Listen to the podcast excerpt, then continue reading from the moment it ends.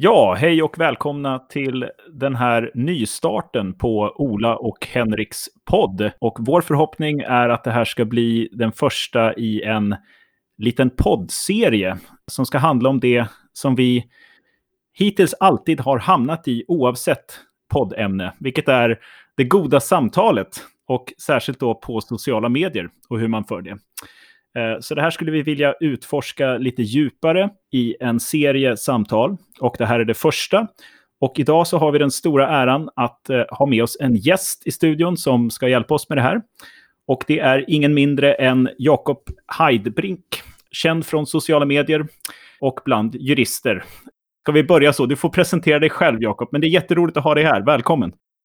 Ja, tack så mycket. Uh, jo då, jag är alltså uh, docent och lektor i juridik vid Handelshögskolan i Göteborg.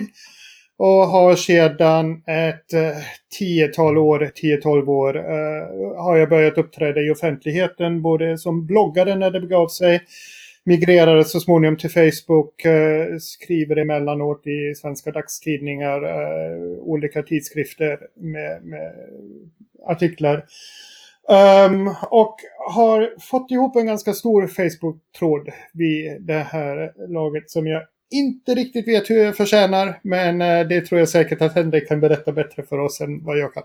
Ja, eh, det ska vi definitivt återkomma till. För jag kan säga redan nu, eh, bara så att vi vet vart våra biaser är här, att den främsta anledningen till att jag bjöd in dig här idag och för att jag är så glad att vi, att vi har dig med oss är för att jag tycker att du är ett väldigt bra exempel på hur man för ett gott samtal på sociala medier. Och jag vet också från kommentarerna i ditt kommentarsfält att jag inte är ensam om att tycka det. Så att, eh, det här ska bli jättespännande. Eh, med oss har vi också Ola och Henrik. Henrik, det är ju jag. Och eh, ja, vad kan man säga om mig? Jag är en eh, avhoppad akademiker, eh, disputerad ekonomgeograf en gång i tiden, men sålde sedan min själ till näringslivet och är nu vd på ett mjukvaruföretag och jag bor i Montreal i Kanada. Eh, Ola, vem är du?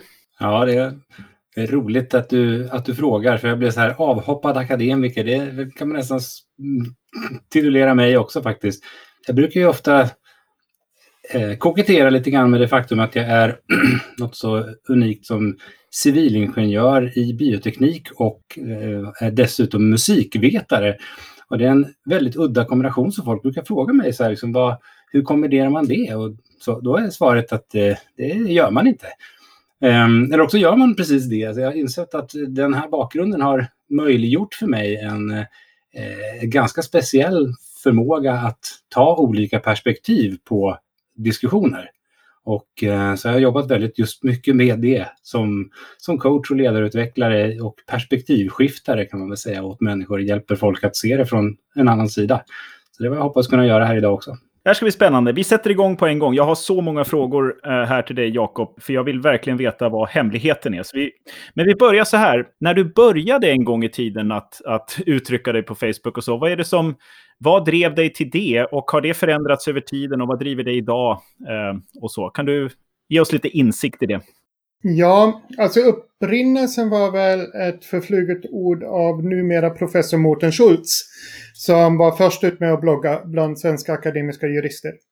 Um, och han tyckte, vi var doktorandkollegor under några år och han uh, tyckte att um, jag tror Mårten har en viss tendens att vara lite översvallande. Att det skulle vara varje jurists eh, skyldighet att delta i det offentliga livet. Um, och jag har alltid haft en dragning till det offentliga livet, bland annat för att eh, det är Alltså det, det, finns med i min uppfostran att den som har det gott ställt och den som kan måste vara med och, och bidra till det gemensamma. Och sen kom ledan när dottern föddes, som är min första, och jag satt hemma i föräldraledighet i ett drygt halvår. Och ungen sov ju hela tiden. Men eh, som eh, ni vet så är ju sovande småbarn tidsinställda bomber utan att man vet exakt när tiden är. Så att man kunde ju inte göra någonting. Ibland så sov hon fyra timmar, ibland så sov hon tre, ibland så sov hon en halvtimme. Och eh, eftersom jag hade tråkigt där i lägenheten så började jag blogga. när jag funderade på detta, så, vad jag skulle blogga om, så var det dels Mårten som, som jag hörde någonstans i bakhuvudet och dels en analys av vad är det egentligen jag kan? Vad är mervärdet? Vad, vad kan jag bidra med? Och då blev det ganska snabbt och ganska självklart juridik. Att jag plockade, browsade igenom tidningarna, plockade upp juridiska nyheter. I synnerhet sådana där jag tyckte att journalisterna hade fått någonting om bakfoten. Eh, och la ut texten och förklarade och gav åsikter och sånt där. Och det funkade av någon anledning. Uh, och jag tror att en game changer för mig var när jag fick kontakt med Sanna Reimann som på den tiden fortfarande var på Svenska Dagbladet. Uh, som i något sammanhang kom in och ställde en fråga och och när sedan, när det började droppa av med, med bloggandet och alla började samlas på Facebook och jag migrerade dit så var Sanna med bland de första som anslöt sig. Så att jag parasiterade egentligen på hennes följarskap till en början. Och sen har det bara exploderat. Eh, och sen kom Paulina Neuding när kvartal började. Alltså det var några grejer i Expressen, eh, via bloggen, via Facebook som, som där jag fick skriva kortare grejer. Uh, sen dök Paulina upp, när, eller först var det Peter Santesson när kvartal startade och hade med mig en artikel om järnvägsrätt eh, uh, och järnvägshistoria. Och sen kom Paulina in och sen var det när Alice Teodorescu, numera Teodorescu Måbe, började på Göteborgs-Posten så fick jag vara med ett år som kolumnist och ja, på den vägen är det. Ja, spännande. Eh, har du kul? Och, och anledningen till att jag ställer frågan är för att du, en sak jag gillar med dig på sociala medier det är att du är så öppen med eh, liksom hur du känner inför sociala medier och diskussionen där och inför poster. Eh, och, och det går från hopp till förtvivlan så att säga. Kan du dela med dig lite grann av hur du, hur du känner här inför, inför hur går det, tycker du? Och liksom, vart är det på väg? Ah, det beror väldigt mycket på dagsform och vilket ämne det är. Alltså, ibland så är eh, Facebook lite en, en mental, själslig avskälpningsplats. När någonting får mig att bli sur eller upprörd eller ledsen. Att, eh, numera är jag väldigt mycket mer selektiv med det som jag släpper in där. Men ibland så är det att eh, också medvetet i viss utsträckning att jag måste vara människa också. Synnerhet i ett medium som, som Facebook. Alltså det är lite, lite marknadsföringstanke finns bakom det. Sen är det saker som jag går och funderar på. Och där jag plötsligt tycker att jag får ihop två strängar som jag kände på mig hörde ihop men som jag inte kunde lägga ord på. Och de, vid de tillfällena så är det liksom en lättnad eller det är en glädje i att just ja, fasiken så här ju. Um, jag hade i, var det idag eller igår, om, om vänsterns förlust av majoritetssamhället. Det var en sån där insikt som jag plötsligt fick. Och den, den posten, den var, eller det inlägget var kul att skriva. Och jag tyckte att det blev en givande diskussion också. Sen är väl min roll numera sådan att jag måste vara selektiv med vad jag uttalar mig om och ibland så gör jag missbedömningar och saker sprängs i ansiktet på mig. Och jag får stryk från både höger och vänster och liksom eh, både ultrasocialist och eh, landsförrädare samtidigt. Och de dagarna så vill jag egentligen bara stänga skiten och liksom be alla att fara. Uh, och då är det inte mycket gott samtal i mig kan jag säga. Utan då får jag vara väldigt försiktig att jag inte uttrycker mig olämpligt och att, att det sen blir en självlöpare. Vad, vad, vad, kan det vara? Alltså jag tänkte, jag blev nyfiken här på vilka typer av frågor måste du, måste du vara mera... Eh, alltså det du just sa det här, vilka är det som, vilka är det som exploderar ansiktet på dig? Alltså det finns, det finns i, min, i mitt följarskap finns det i bägge läger har jag en känsla av folk som bevakar vad jag säger och väntar på att kunna hoppa på mig.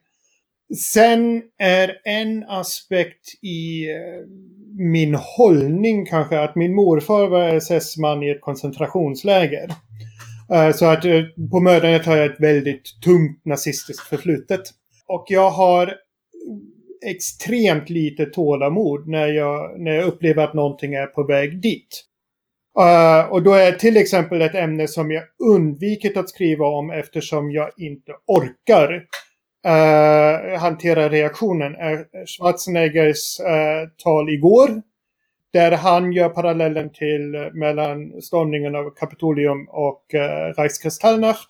Proud Boys skulle jag aldrig få för mig att skriva om för att det blir där kommer jag väldigt snart inte att orka för att det är ett ämne där The Lunatic Fringe till höger om mig väntar på att kunna hoppa på mig. Um, och på den andra sidan, uh, Eh, jag har vid några tillfällen försvarat saker som Trump har gjort.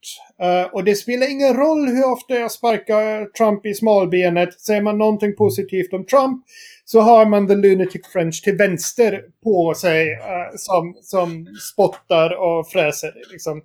Och där är det, ja, ibland så skriver jag någonting och efter 20 minuter så märker jag, nej, jag orkar inte hantera reaktionen. Och så lägger jag bort alltihopa och gör någonting annat istället.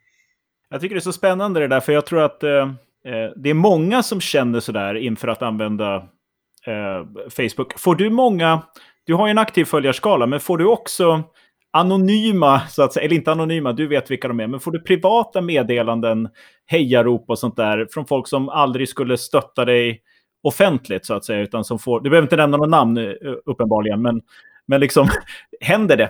Alltså beroende på tema och beroende på ämne. Jag var ju väldigt aktiv när för några år sedan Transportstyrelseskandalen exploderade. Och bloggade under en tid också igen eftersom det gav mig utrymme att skriva längre texter. Och då fick jag ju, och det har jag ju berättat om i kvartal, kvartalsamtal när det fanns eh, kvartals TV, tv-inslag. Att då fick jag ju till och med helt anonyma fysiska brev med berättelser om hur det såg ut på en viss myndighet. Um, och jag har några sådana där, ja, inte riktigt whistleblowers uh, eftersom jag ju trots allt inte är journalist. Uh, och jag klargör också alltid ganska tydligt att tack för att du hör av mig men jag kan inte driva ett enskilt e- ärende. Jag kan inte kontrollera vad du, vad du har för uppgifter. Jag har ingen anledning att misstro dig men jag är inte beredd att gå ut med detta. Eh, och det leder ibland till surmulna reaktioner. Det här med att få, att få ovett genom direktmeddelande, det händer mig tack och lov ännu så länge väldigt, väldigt sällan.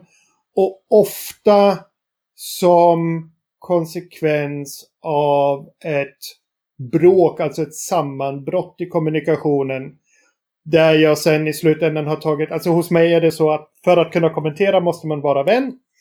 Eftersom det möjliggör för mig att tysta folk utan att behöva blockera dem. Då kan de se vad jag skriver. De är inte borta helt men de kan inte yttra sig i samtalet. Och när jag fråntagit någon kommentators rättigheter då dras det nästan alltid en vals med, med direktmeddelanden. Och det, liksom, och det vet jag ju numera i förväg så att det är inte särskilt belastande på det sättet.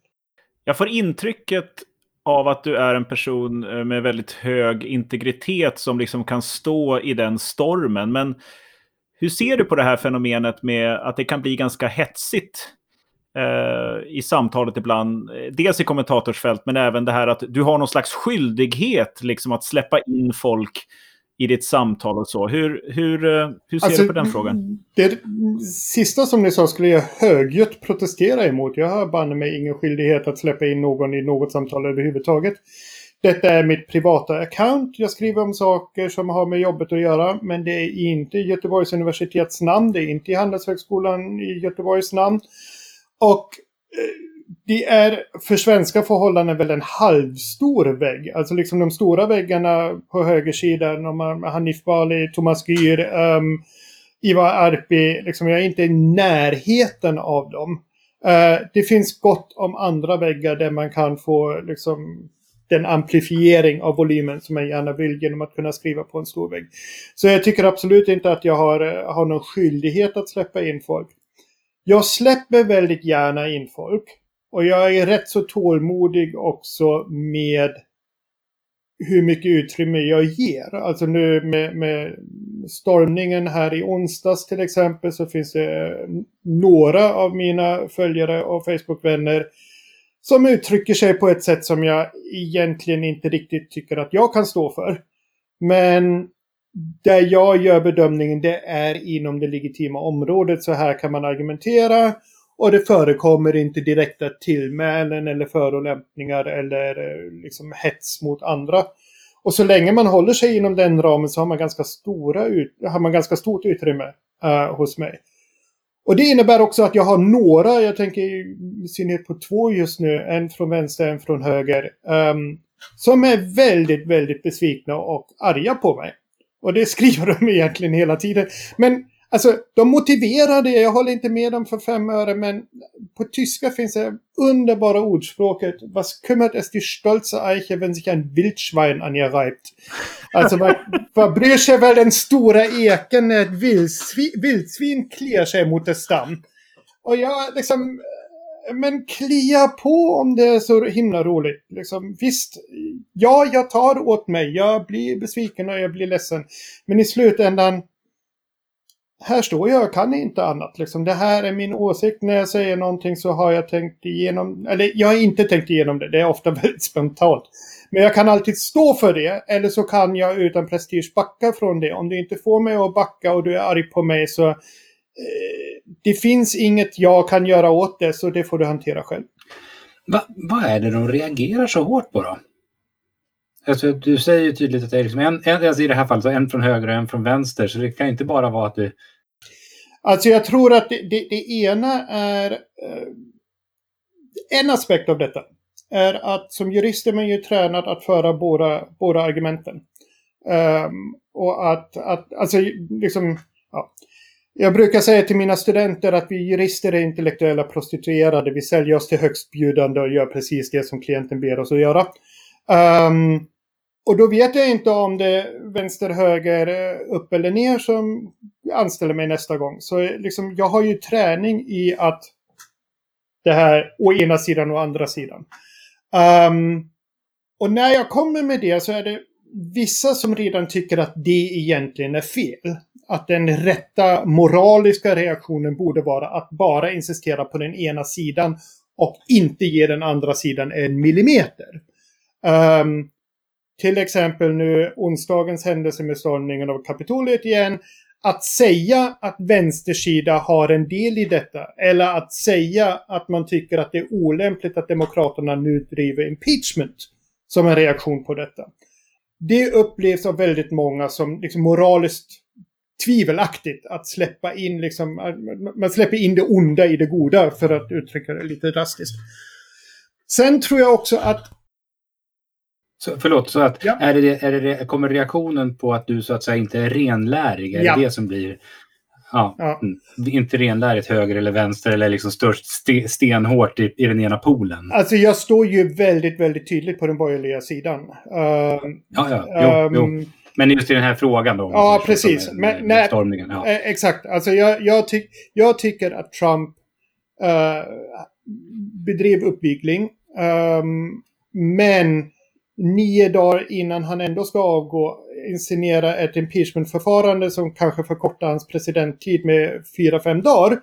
Bara för att komma åt det ekonomiska tycker jag inte är okej. Okay. Det, är liksom, det är inte så man beter sig i en demokrati. Och vill man få bort honom från alla publika ämnen, ämbeten, jag trodde att det är sånt som diktaturer håller på med, inte demokratier. Alltså liksom, kan man inte övertyga Trumps väljare så är problemet någonstans hos en själv, inte hos Trumps väljare. Det finns alltid en, en, en, en kärna som man inte kommer åt. Men flertalet av de här människorna som nu röstar Trump har tidigare inte röstat Trump. Någonstans är det Trumps motståndare som begår ett misstag och de vägrar att inse detta. Och det, liksom, och det ger mig från ena sidan, men herrejösses hur kan du säga att Trump uppviglade? Det han talar ju om peaceful och sånt där. Och från den andra sidan, hur i hela friden kan du överhuvudtaget säga att någon annan än Trump eh, gjorde någonting fel överhuvudtaget? Och sen tror jag också att till saken hör att jag har under mitt vuxna liv vandrat från vänster till höger.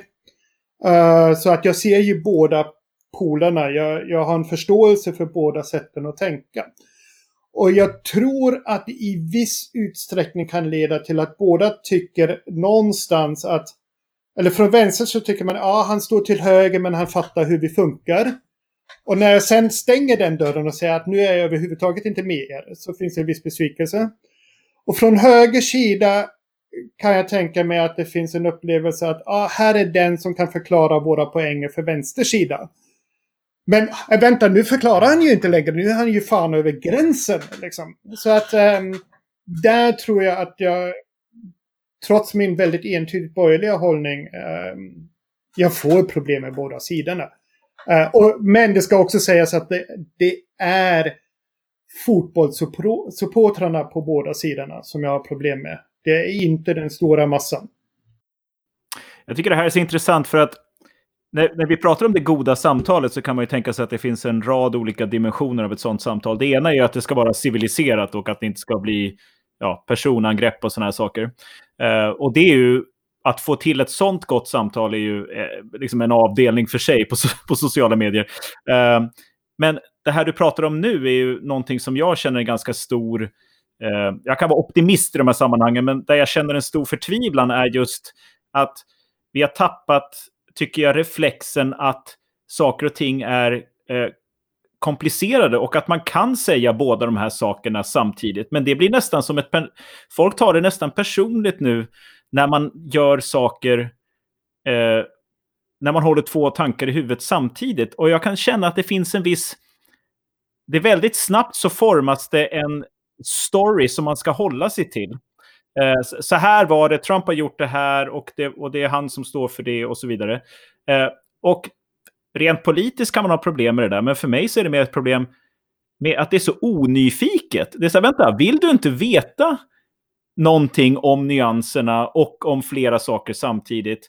Och det, jag får näst, det blir nästan någonting religiöst av det här. Och eh, för det första, vad är dina reflektioner kring det där? Håller du med om det? Och för det andra, i vilken mån ska man i din roll, tycker du, uppfostra, inom citationstecken, liksom, eh, sin följarskara i nyfikenhet, komplexitet och så vidare? Går det? Eller, ja, ordet mm. över till dig, Jakob.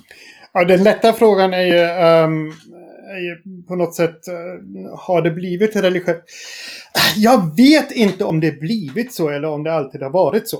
Alltså när, när jag kom till Sverige um, så, så det var 92 kom jag till Sverige, uh, knappt 21. Um, då, då fanns det ju fortfarande liksom, nej men Svenska Dagbladet skulle jag aldrig läsa, det är ju borgerlighetens tidning. Um, man diskuterade ännu Palmehatet. Um,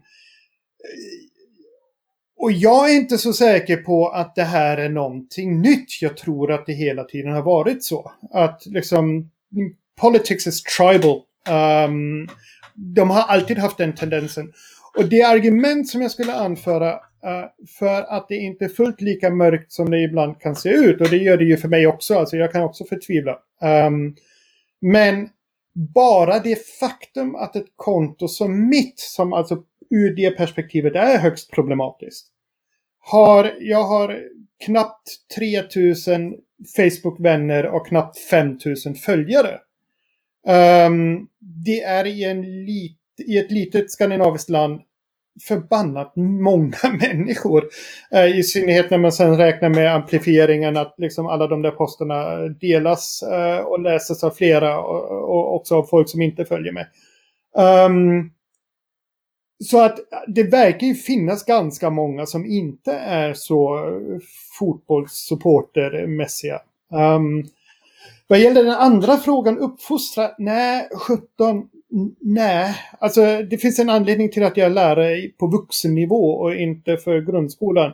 Jag vill för allt i världen inte uppfostra någon.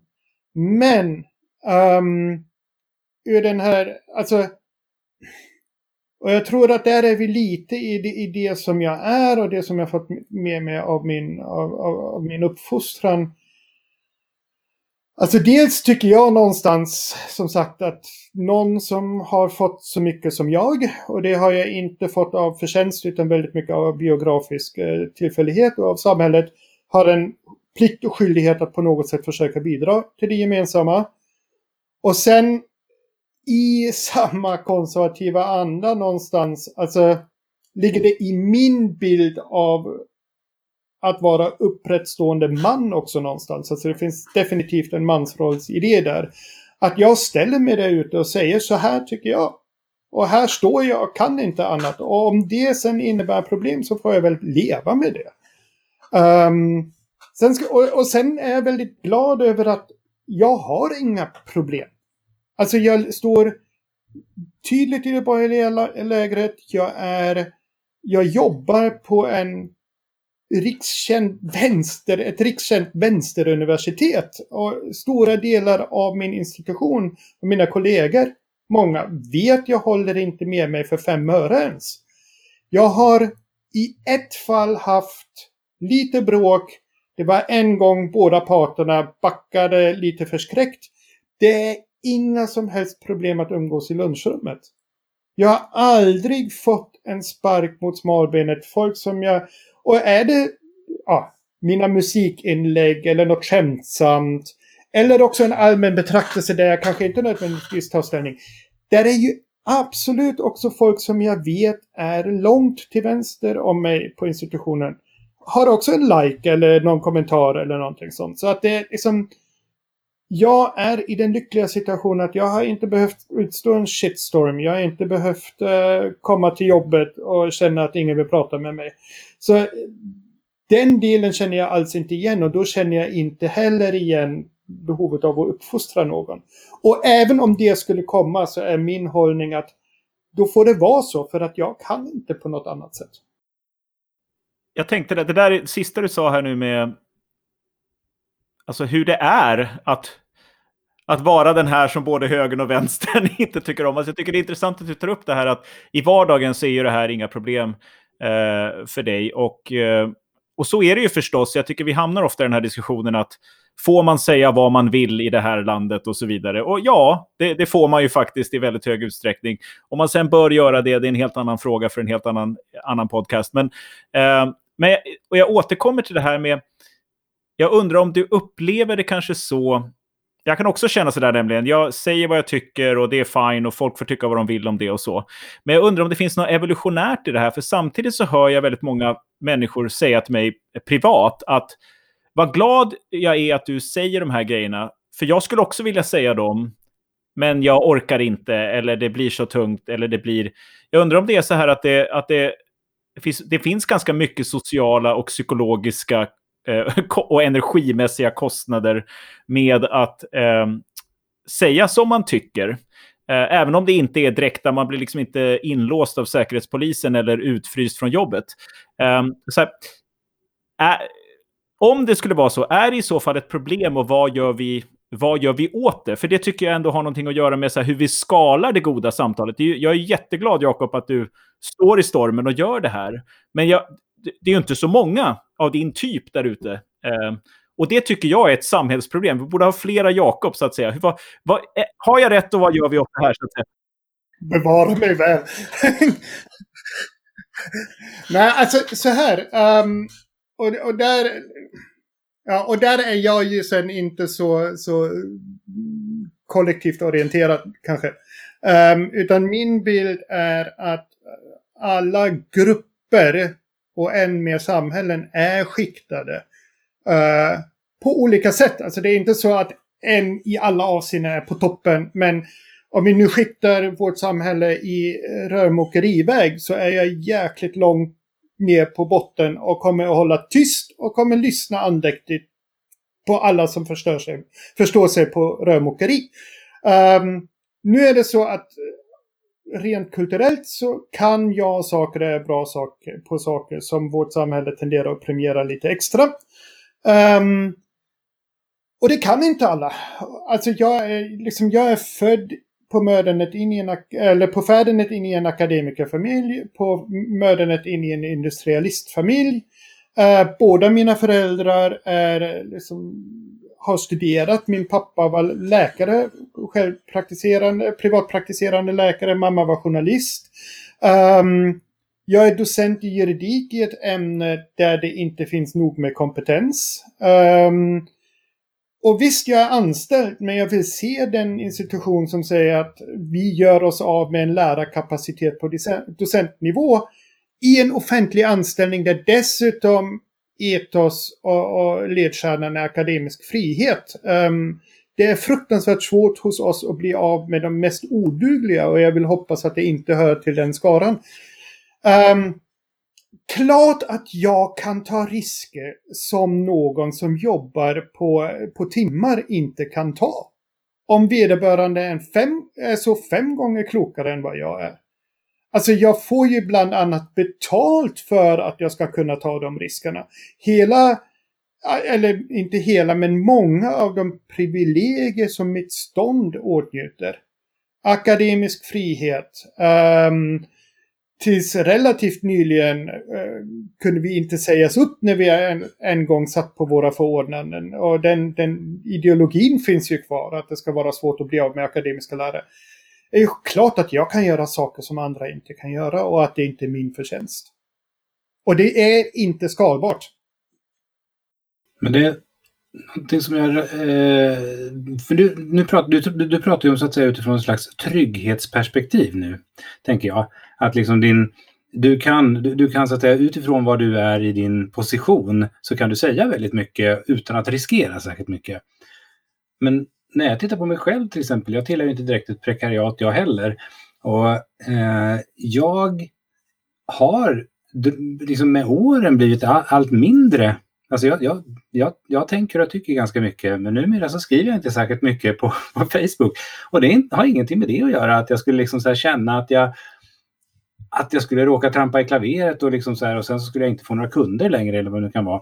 Utan det är mera, ska jag säga, att upplevelsen är mera där du var inne på det här med frågan om att eh, att det finns en ovilja att mötas, att det finns en o... Eh, eh, att, att det är så här att man kan bli, få, få stryk för att man inte tillhör en av polerna och så blir det så här att det är svårt att föra ett samtal i de här formerna så att man faktiskt kan säga, ja fast så här, om du tänker på det här viset, att man liksom så här reso, det resonerande försvinner och blir kall och hård hamrande argumentation utan riktig möjlighet till, till det här med att liksom provprata eller vad man nu ska använda för ord. Och där för mig dyker den här eh, eh grejen upp med att, att nej, jag, jag orkar inte. Det är liksom så här.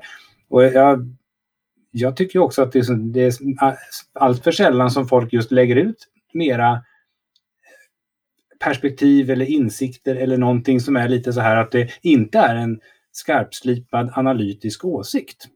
Men, men alltså, ja, jo, jag förstår vad du menar. Det som jag tänker på medan du pratar är att alltså, jag skulle inte orka med ditt jobb.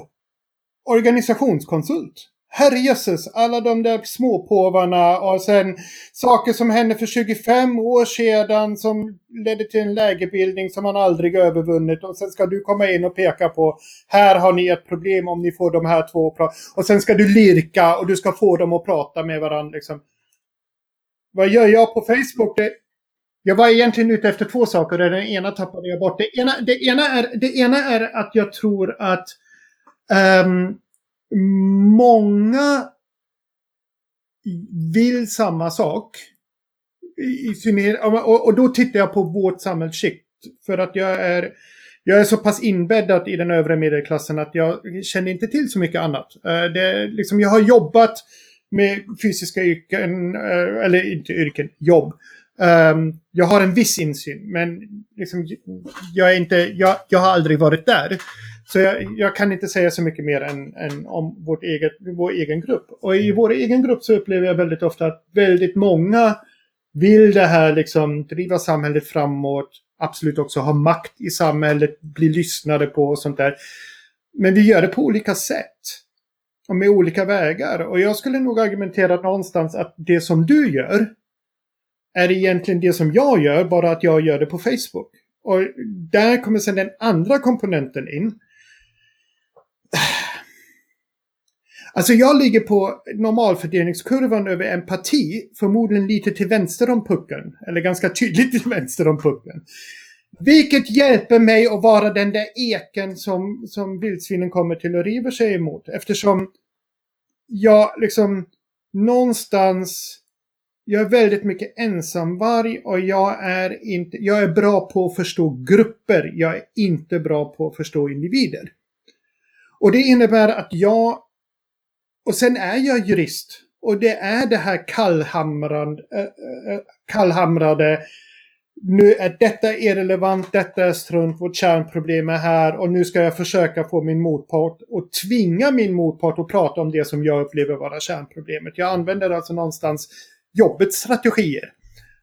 Um, så att liksom den här kombon av, av, av en personlig svaghet som i ett visst sammanhang blir en styrka med ett, en numera mångårig träning i en, i en, i en viss kultur, nämligen argumentationskulturen, gör det för, lättare för mig att göra detta anonymt på Facebook än vad det skulle vara att göra det i, i, ett, i en liten grupp om, om 20 personer där jag måste få alla att känna sig väl till mots. Utan när jag kommer in i en grupp så är det väldigt ofta, okej, okay, de här fyra, fem, om det är 20, 20 pers. De här fyra, fem sorterar jag ganska snabbt bort som idioter. De ska jag inte jobba med. Detta är min grupp, de kan jag göra någonting med. Där kan jag hjälpa till att förmedla mellan konflikter och sånt där. Men jag hämtar aldrig in marginalen. Och det är också min största svaghet som lärare. Alltså när jag upplever i seminarier. Jag, jag är uppskattad vet jag som föreläsare. Jag är inte lika uppskattad som seminarielärare. Av samma anledning. Jag är bra på grupper, jag är inte bra på individer. Ja, vilken intressant reflektion. Man lär sig någonting när man har gäster, Ola. Har du märkt det? När folk inte är likadana hela tiden. Det var spännande. Ja. Och därför tror jag också, för att komma tillbaka till det Henrik, eh, och förlåt att jag pratar så mycket, men liksom, jag tror inte att detta är skalbart. Tack. Jag tror inte att det är skalbart. Och jag tror att ett av våra problem är att medierna har utvecklats så att alla kan delta. Eh, vi har tappat grindvakterna. Det är inte längre det civiliserade samtalet bland besuttna och välbeställda. Och det är väldigt, väldigt bra på väldigt många sätt. Men det innebär att spannet mellan de som är väldigt, väldigt bra på att föra samtal i stora grupper, de som är väldigt, väldigt dåliga på samtal i stora grupper, det spannet har blivit väldigt mycket större. Och alla kan delta och alla kan ropa och den som får ett utbrott får ett utbrott så att alla hör. Um, och vi har haft det i vadå, 15 år max. Um, vi kommer att behöva, om man tittar på boktryckarkonsten och hur länge vi behövde för att lära oss hantera den, så har vi 100-200 år framför oss innan vi hittar någon form av eh, uh, comme igen. Men det där tror jag är väldigt relevant. En, en sak som jag associerar till när du säger så, det är det här med att om man kallar, alltså ett ord för det är demokratiseringen av eh, det här med, med, möjligheten att, att ha sin, eh, få sin röst hörd då så att säga i, i det offentliga via de här sociala medierna. En aspekt där som jag tror är lite grann att som jag tror att du bemästrar men som kanske inte alla gör, eller som inte alla gör, det är just det här med att när jag säger någonting där ute Eh, och så får jag en massa reaktioner på det, så ser jag inte alla gånger att många av de som, så att säga, som ger tummen upp och hejar på sådana här saker, att, att det är just en tribe. Att det är det så att, man, att i den här dialogen jag har med följarna som blir fler så blir det också mer och mer en, eh, en, en följarskara som så att säga som förstärker mig. Jag, jag kan tänka på ett antal skribenter eh, som har varit här nu de senaste fem åren kanske, där, där jag tycker det blir påtagligt att det handlar om att saker som de säger i det offentliga tenderar att kanske dras ännu mer till sin spets och bli allt mer polärt så att säga för att det liksom på något vis triggar en, eh, en, en upplevd popularitet, om man säger så. Då. Att man kanske så att säga inte eh, att man väljer sina ämnen utifrån någon slags så här eh, belöningssystem. Det här är och där tycker jag det finns en, en så liksom att det, den dragningskraften, den drivkraften gör att man kanske här, i de här sociala medierna inte håller sig så himla mycket till, eh, till egentligen att försöka vad ska man kalla det, söka sanningen eh, eller så, eller liksom försöka komma framåt i samtalet, utan mer liksom att positionera sig och få applåder. Förstår du vad jag menar? Jag förstår vad du menar, um, tror jag. Uh, det, det, får du berätta för mig när du har hört min reaktion. Um, jag, jag håller inte med dig. Um, jag tror inte... Alltså det finns ju ganska många som menar att uh, sociala medier liksom driver samtalet mot extremen och sånt där. Det gör de och det gör de samtidigt inte. Alltså det finns ju flera studier som visar att vi ser de facto ett bredare urval av nyheter och analyser än vi tidigare gjorde för att vi inte längre behöver betala för dem och för att de påtvingas oss i, i någon utsträckning. Uh, så på det sättet har ju samtalet blivit bredare och mera facettrikt. Um, ehm, jag tror inte att skribenter, vare sig till höger eller till vänster, drivs av någon form av popularitetstävling. Um, däremot så tror jag att vi är Okej, okay, nu, nu, nu blir det väldigt stora ord. Och jag är helt osäker på om jag kan stå för dem eh, i en analys. En klassisk Facebook-post helt enkelt. ja, precis. Uh, och, och i nyanserna mörkgrått till svart. Um, jag tror att efterkrigstiden definitivt har tagit slut. Och att vi är, i synnerhet i Europa, på väg mot en dessvärre normalisering av europeiska förhållanden. Um, där de stora supranationella nationella lösningarna, de gemensamma projekten um, får mindre, blir mindre och mindre populära. Det har dels att göra med att um, vi inte riktigt är medvetna längre vilka landvinningar de egentligen är. Det har också att göra med att de delvis drivits till en punkt där, de, där jag åtminstone också kan tycka att de ramlar ihop av sin egen tyngd. Men hur det än vara månde så är det liksom, vi är osäkra. Det här sammanhållande kittet, den yttre fienden som, som östblocket och Warszawapakten var, den har, miste vi för 30 år sedan. Vi har inte hämtat oss sedan dess. Um, vi har inte någon gemensam europeisk offentlighet, vilket bland annat har lingvistiska anledningar. Um, det, det är folk som, som, nu vet jag inte om dig Ola, men liksom möjligen Henrik och jag som, som har en tre, fyra språk i vardagen liksom kan hantera. Men inte den som har ett och maximalt lite knagglig engelska, utan den personen lever fortfarande i sin nationalstat och förväntar sig saker av sin nationalstat.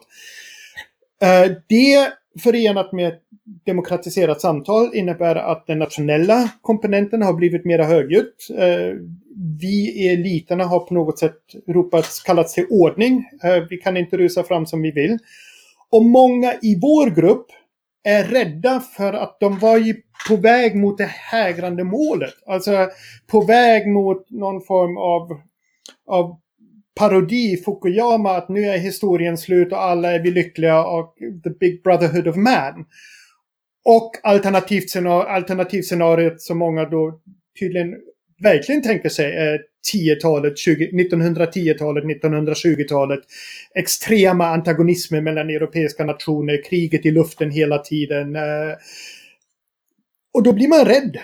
Och det innebär att ingen av sidorna egentligen lyssnar på varandra. Alltså den ena sidan som betonar det lilla nationalstatliga, den tribe som vi har och som är förutsättning historiskt sett för demokratin, för att den överbrygger klassmotsättningarna.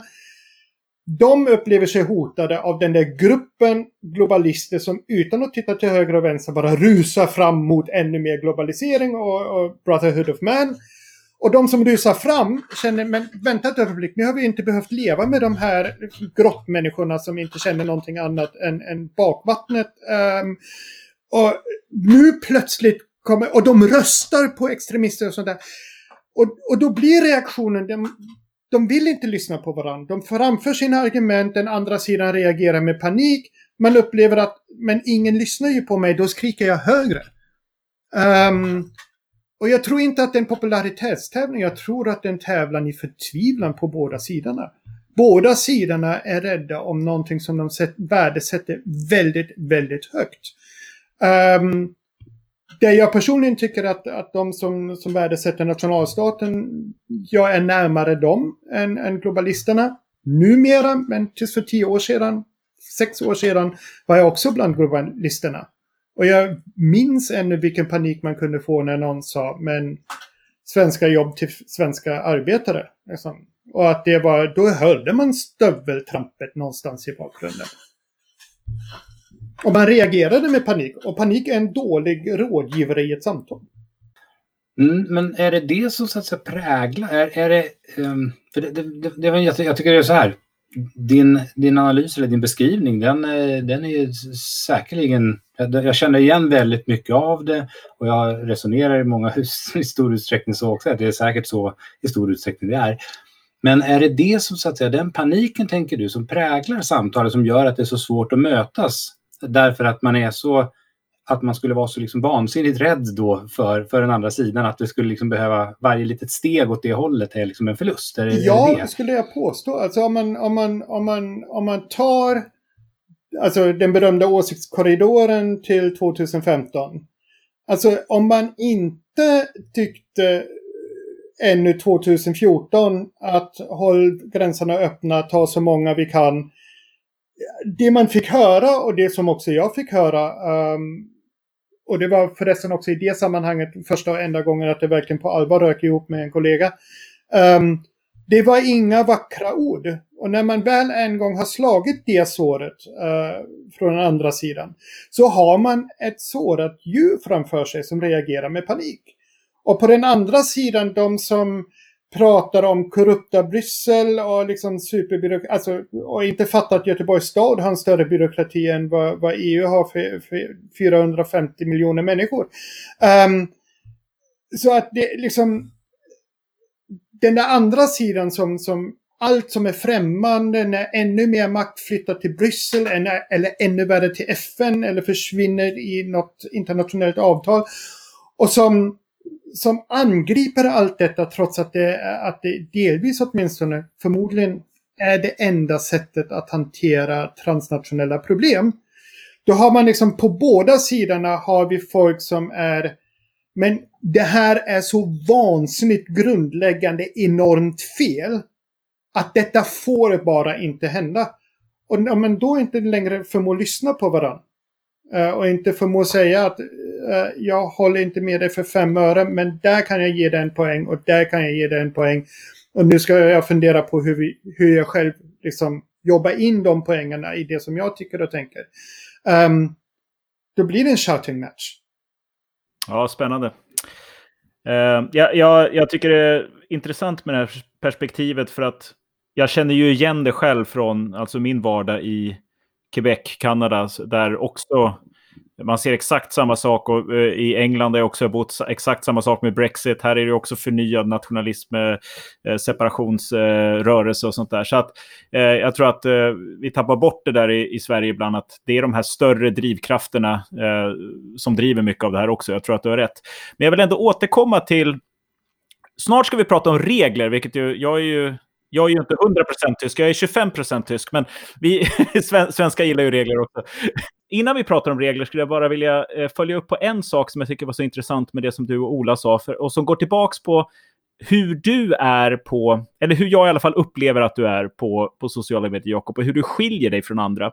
Och det är det här att, att du gör både folk på vänstern och på högern eh, blir arga på dig ibland. Och det tror jag ändå är så kvalitetstecken. Och jag tror det som Ola kanske var lite ute och fiskade efter är att även i de här stora drivkrafterna där folk är rädda för varandra och det blir lägerbildning och sådana här saker. Vilket ansvar har man som skribenten så att säga eh, för, att, för att se till att det blir blandat? För jag tror ändå att det är utan att slänga någon av de här höger och vänsterskribenterna under bussen så att säga, så tror jag ändå att det är fair att säga att att det finns inte så många där ute som rör sig så mycket mellan höger och vänster som du gör. Och är det liksom en slump med din bakgrund? Eller vilket ansvar har man där att, att väga upp det så att säga? Jag brukar skoja att mitt mål är att vara först mot väggen när revolutionen kommer oavsett vem som är revolutionär. Um, alltså ibland, ibland kan jag liksom tycka att nu blev det väldigt mycket uh, högerpropaganda och jag har länge stått till höger och nu måste jag hitta något ämne där jag bara klargör för högern att jag inte pålitligt hör till deras läger. och klargöra för vänstern att jag inte tappat bort dem totalt. Um, jag tror att det handlar, alltså återigen, jag tvivlar på skalbarheten. Jag, jag, jag tror att det väldigt mycket handlar om personliga slumpaktiga händelser i mitt liv, min personliga resa, också min migrationsresa från ett strukturellt konservativt till ett strukturellt socialdemokratiskt land. Um, och jag känner ju delvis, alltså jag har ju, jag har ju haft kontakt med Paulina Neuding och jag, jag har suttit och, och käkat middag med Thomas Gyr. Um, ehm, alltså, och uh, dessa personer är uppriktiga. De menar det de skriver. De, de, de skriver visst tillspetsat för att det är deras politiska retorik och deras retorik i det offentliga rummet. Min retorik är en annan. Men du måste ju oavsett vilken retorik du väljer måste ju stå bakom den. Alltså liksom, annars så blir det så här blankpolerad kommunikationsrådgivare för någon politiker. Liksom, där är ju problemet att politikern inte har den retorik som, som vederbörande egentligen själv vill köra. Utan det är någon som har sagt åt att detta får du inte säga och det här får du inte uttrycka på det sättet. Så det måste ju vara genuint. Och så länge det är genuint, och jag tror att alla de skribenter, både på höger och på vänster sida. Um, jag tror inte att någon av dem egentligen gör sig till för att behaga någon. Det finns säkert någon som, som medvetet tänker på det kommersiella intresset. Men jag tror inte att det är många. Man, man orkar inte detta i längden. Man orkar inte saluföra opinion som man inte står bakom i längden. Annat än undantagskaraktärer. Så jag tror att eh, vad heter han, Anders Lindberg, uh, Åsa Lindeborg, um, Thomas Gür, Paulina Neuding. Liksom, de är alla övertygade om det de säger. Um, och sen har de, Paulina kanske minst av alla, en, en ådra för tillspetsad retorik. Men det är deras retorik i det offentliga rummet. Och Gyr har ju också, alltså i Gyrs kolumner och ledare, eh, han har ju en väldigt resonerande ton också. Så du behöver inte följa honom på Facebook. Följ honom i, i, i hans tidningsskrifter, i hans mera formella skrifter. Så får du uppleva en mycket intelligent, enormt bildad, väldigt resonabel företrädare för högern. Men det går inte att acceptera på vänster sida och på andra sidan um, så, någon som jag också reagerar allergiskt emot är eh, Åsa Lindeborg. Jag hör henne veckovis i en podcast, transskandinavisk podcast, norsken, svensken och dansken. Um, om jag är alldeles ärlig, visst jag tycker att hon är självupptagen, jag håller inte med henne. Men hon är ju smart, hon är ju påläst, hon är ju ärlig. Och det måste jag ju acceptera oavsett hur lite jag tycker om hennes åsikter. Hon är ärlig. Så jag tror inte jag tror inte att det finns någon självlöpare på det här sättet. Utan jag tror att visst kan det finnas någon gång att man vill ha hö-hö-reaktioner från den, från den egna följarskaran. Men det orkar man inte i längden. Man orkar inte vara i den stormen som, som opinionsdebatten är. Om man inte menar det man säger och säger ungefär det man menar. Ja, det är jätteintressant. Eh, jag, jag tror på det du säger. och um jag tycker också att det är en liten läggningsfråga kanske att jag, jag, tycker ändå vi har ett ganska bra debattklimat i Sverige. Upp, många av de här som vi har nämnt här nu, jag tycker oavsett vart man står politiskt så är det ju intressant att läsa vad de, vad de har att skriva och det är ju, man lär sig ju saker och sådär. Men, men jag undrar om att det kanske är evolutionärt eh, också, att man faktiskt får fler följare. Eh, alltså det, jag håller med dig, de, de tror på det här, de är så, de är så. Eh, det är inte så att de hittar på någonting, men de är har den läggningen, att de är liksom inte lika så att, att de vill dö eh, först oavsett vem som tar över så att säga, eh, som du är. Utan, eh, och, att, eh, och att det faktiskt kanske är så det driver. Och det oroar jag mig lite för med sociala medier, att det liksom eh, gynnar eh, ensidighet eh, och på så sätt lyfter, alltså man har stör, fler klick helt enkelt, mera genomslag ifall man inte håller på att bråka med alla sina följare som du gör, Jakob. Men, men, men uppriktigt Henrik, hur många olika åsikter fick du på Aftonbladet för 15 år sedan? Ja, nej, nej, visst. Alltså, jag säger inte att det har blivit, eh, eh, att det på det sättet är sämre. Men om jag bara får pitcha in en, en, sak som jag tror är väldigt central här också.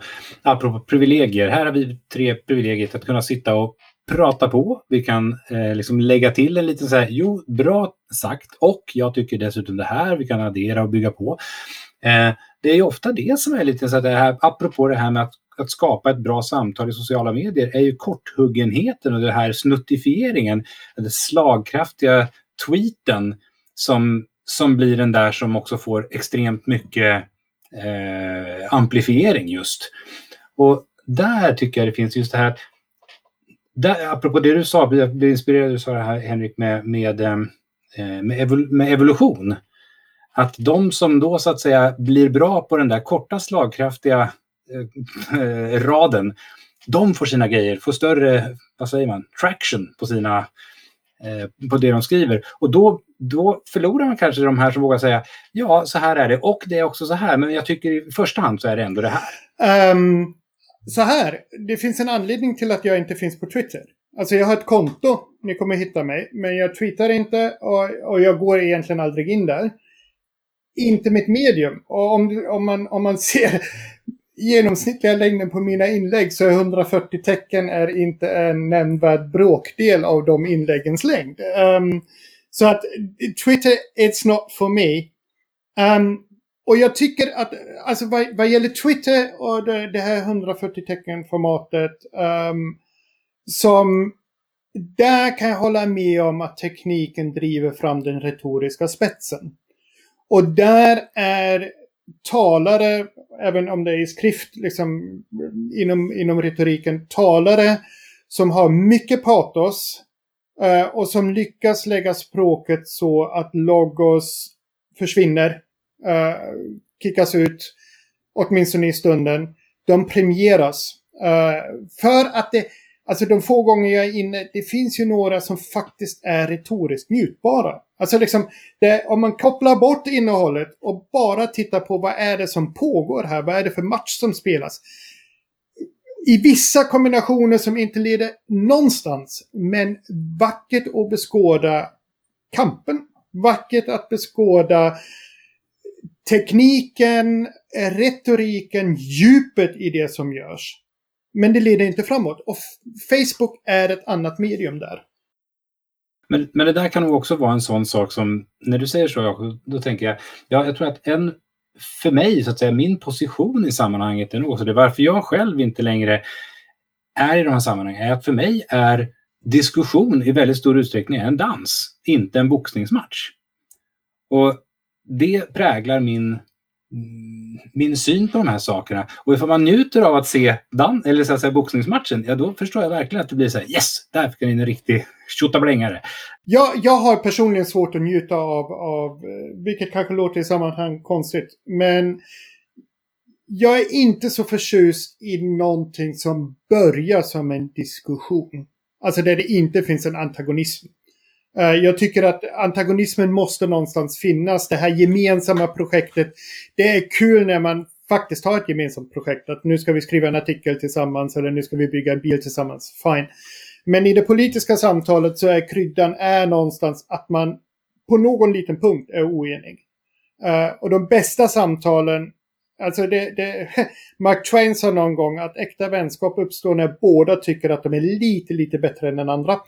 Um, och det tycker jag också med ett politiskt samtal. Det blir riktigt, riktigt bra när båda tycker att den andra på någon liten punkt faktiskt inte riktigt har tänkt färdigt. Uh, så att det finns där debatt också. Sen är jag ju jurist ändå. Uh, så att boxningsmatch, nej, tycker jag inte heller är kul. Men fäktning med florett, ja. Faktiskt. Och lite stil och elegans i det hela. Liksom. Det ska vara småsåg. Det ska inte vara liksom poleaxe som man, som man går på varandra. Jakob har ju House Rules på sin sida eh, som jag tycker är eh, eh, väldigt bra. Och vi hade ett litet snack om det tidigare här med vart de kom ifrån och sådär. Och, och, och, och liksom vad, vad tanken bakom dem är och vad de leder till. Och jag tror att det kan vara bra att avrunda med lite sådär konkreta tips. Om du vill bli lika bra på goda samtal på nätet som eh, Jakob är, vad ska du då ha för regler? Vilka regler har du, Jakob? Och kan du gå igenom lite snabbt och så tanken bakom dem och var de kommer ifrån och så? Jag tror att den första regeln som är jätte, jättesvår att hålla, den gäller skribenten själv. Hav ingen prestige. Erkänn när du har fått någonting om bakfoten. Erkänn när du har skrivit först och tänkt sen. Uh, ge poänger när du märker att du inte kan argumentera emot längre. Eh, erkänn att jag kan inte argumentera emot men jag håller fortfarande inte med dig. Skippa prestigen. Om du har prestige så då, då börjar du predika för kören. Um, vad gäller Facebook då specifikt, eftersom jag som sagt inte är på någon annan social media-plattform. Um, Facebook tillåter som sagt eh, att, eh, att bara de får kommentera som är Facebook-vänner. Eh, vilket jag tycker är ett långt bättre alternativ än att blockera folk. För att blockera folk betyder att du är så dum i huvudet att jag inte ens vill se vad du skriver någon annanstans. Och jag vill inte att du ska kunna se vad jag skriver. Det tycker jag är nästan inget. Det är några få, tio stycken kanske, som jag under åren blockerat. Eh, men för att kunna städa, om man har någon som jämt förstör ett samtal och man orkar inte längre. Om man då kan säga okej, okay, nu har jag avvännat personen. Personen kan fortfarande se vad jag skriver. Jag kan fortfarande se vad den personen skriver. Men den personen kan inte komma in och störa mitt sätt att föra mitt samtal längre. Um, där tycker jag att tekniken hjälper. Eh, där bör man använda, tycker jag, eh, det tekniska hjälpmedlet. Sen för att komma då till slut eh, till de berömda House Rules. de har fyra punkter. Ehm, och de är utvecklade som en... Jag ser just att jag kopierade in dem i min telefon i september 2017. Och då hade jag varit på Facebook i fyra år ungefär. Och det var ungefär där min tråd blev så pass stor att jag var lite... Att jag plockade bort den här lilla funktionen att man ser hur många notifieringar man har redan när man öppnar telefonen. För att jag upplevde det som stressande att se en 40 eller 50 varje morgon uh, och uppleva att det är det första jag måste göra. Um, och över den tiden så, så, så, drog jag vissa slutsatser. När är det när att mina samtal bryter ihop? Och som vi sen märkte Henrik när vi pratade om detta i, liksom, i förspelet till den här podden. Så menar jag numera att delvis är de påverkade av min, min erfarenhet som jurist. Och då är den första punkten är en ganska tydlig juridisk punkt. Uh, om ni inte kan kommentera om ämnet, håll tyst. Uh, generella klagomål på vänster, höger eller på någon som är dum i huvudet eller någonting sånt är inte välkomna. Utan här pratar vi om ämnet och ämnet är det som jag anger i mitt inlägg. Punkt. Jag vill inte ha metadebatter, jag vill inte ha sidolöpare, jag vill inte ha några tangenter. Det här är ingen utforskning av vad ämnet ger. Det här är ett tema, en fråga som jag angivit i mitt inlägg. Acceptera detta eller håll det tyst. Och det är process. Det är liksom i, ordföranden i domstolen säger att det här är det som vi nu diskuterar. Parterna anför sin bevisning. Om någon börjar sväva ut så kallar ordföranden till ordning och säger att nu börjar du prata om någonting helt annat. Detta är vårt ämne. Så det här är egentligen processrätt. Um, punkten två är att jag varnar om jag tycker att någon börjar bli fel i tonen.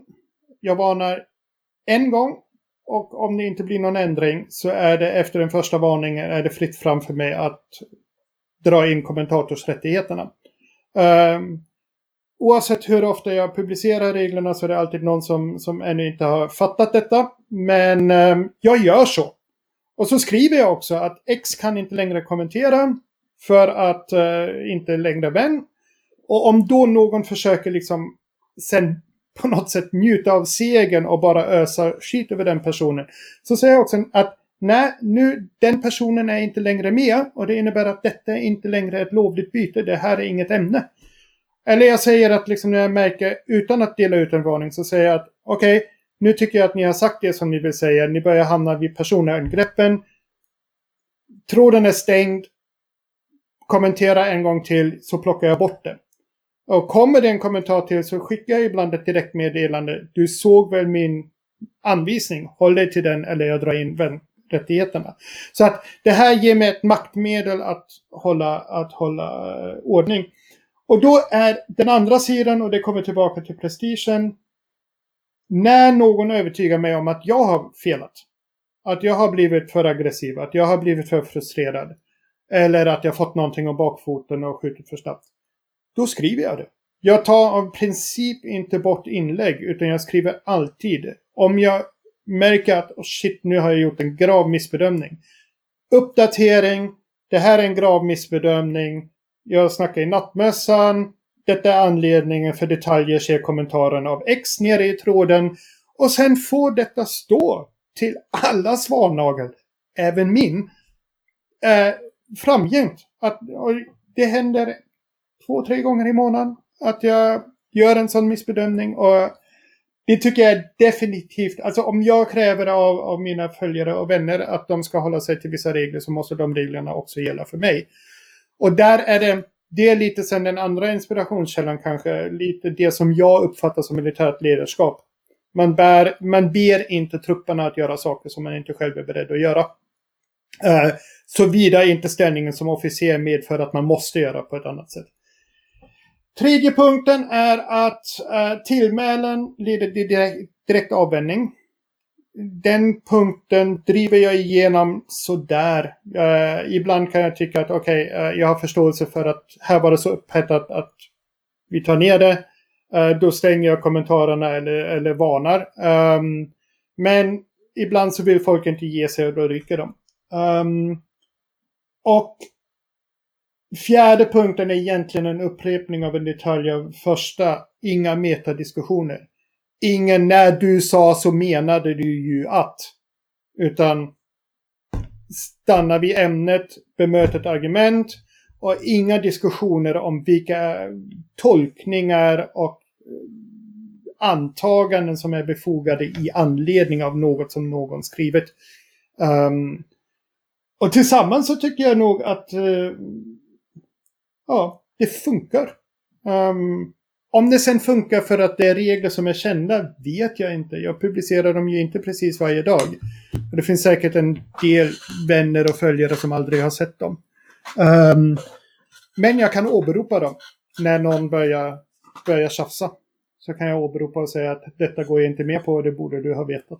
Ja, jag tror att också det här faktumet att du applicerar de här eh, reglerna på dig själv, eh, den här med prestigelösheten som är väldigt märkbar och också det här att du inte raderar inlägg eller manipulerar dem efteråt utan att du skriver en klar och tydlig edit och ofta med en rak och ärlig ursäkt också. Här hamnade jag fel. Jag tror att det, det liksom är också eh, ett slags ledarskap i det, att du, du sätter tonen så att säga. Även om folk inte kan reglerna så lever du reglerna och det det är också ett sätt att sätta reglerna. Så att, eh, bra. Eh, tack så hemskt mycket Jakob för att du kom hit. Det här var ju superspännande. Eh, vi har slut på tid och det är viktigt att hålla sig till sånt också. Men eh, praktiska tips och utsvävande diskussion i en och samma podd. Mer kan man ju nästan inte begära. Eh, tusen tack hörni. Tack själv. Tack så jättemycket.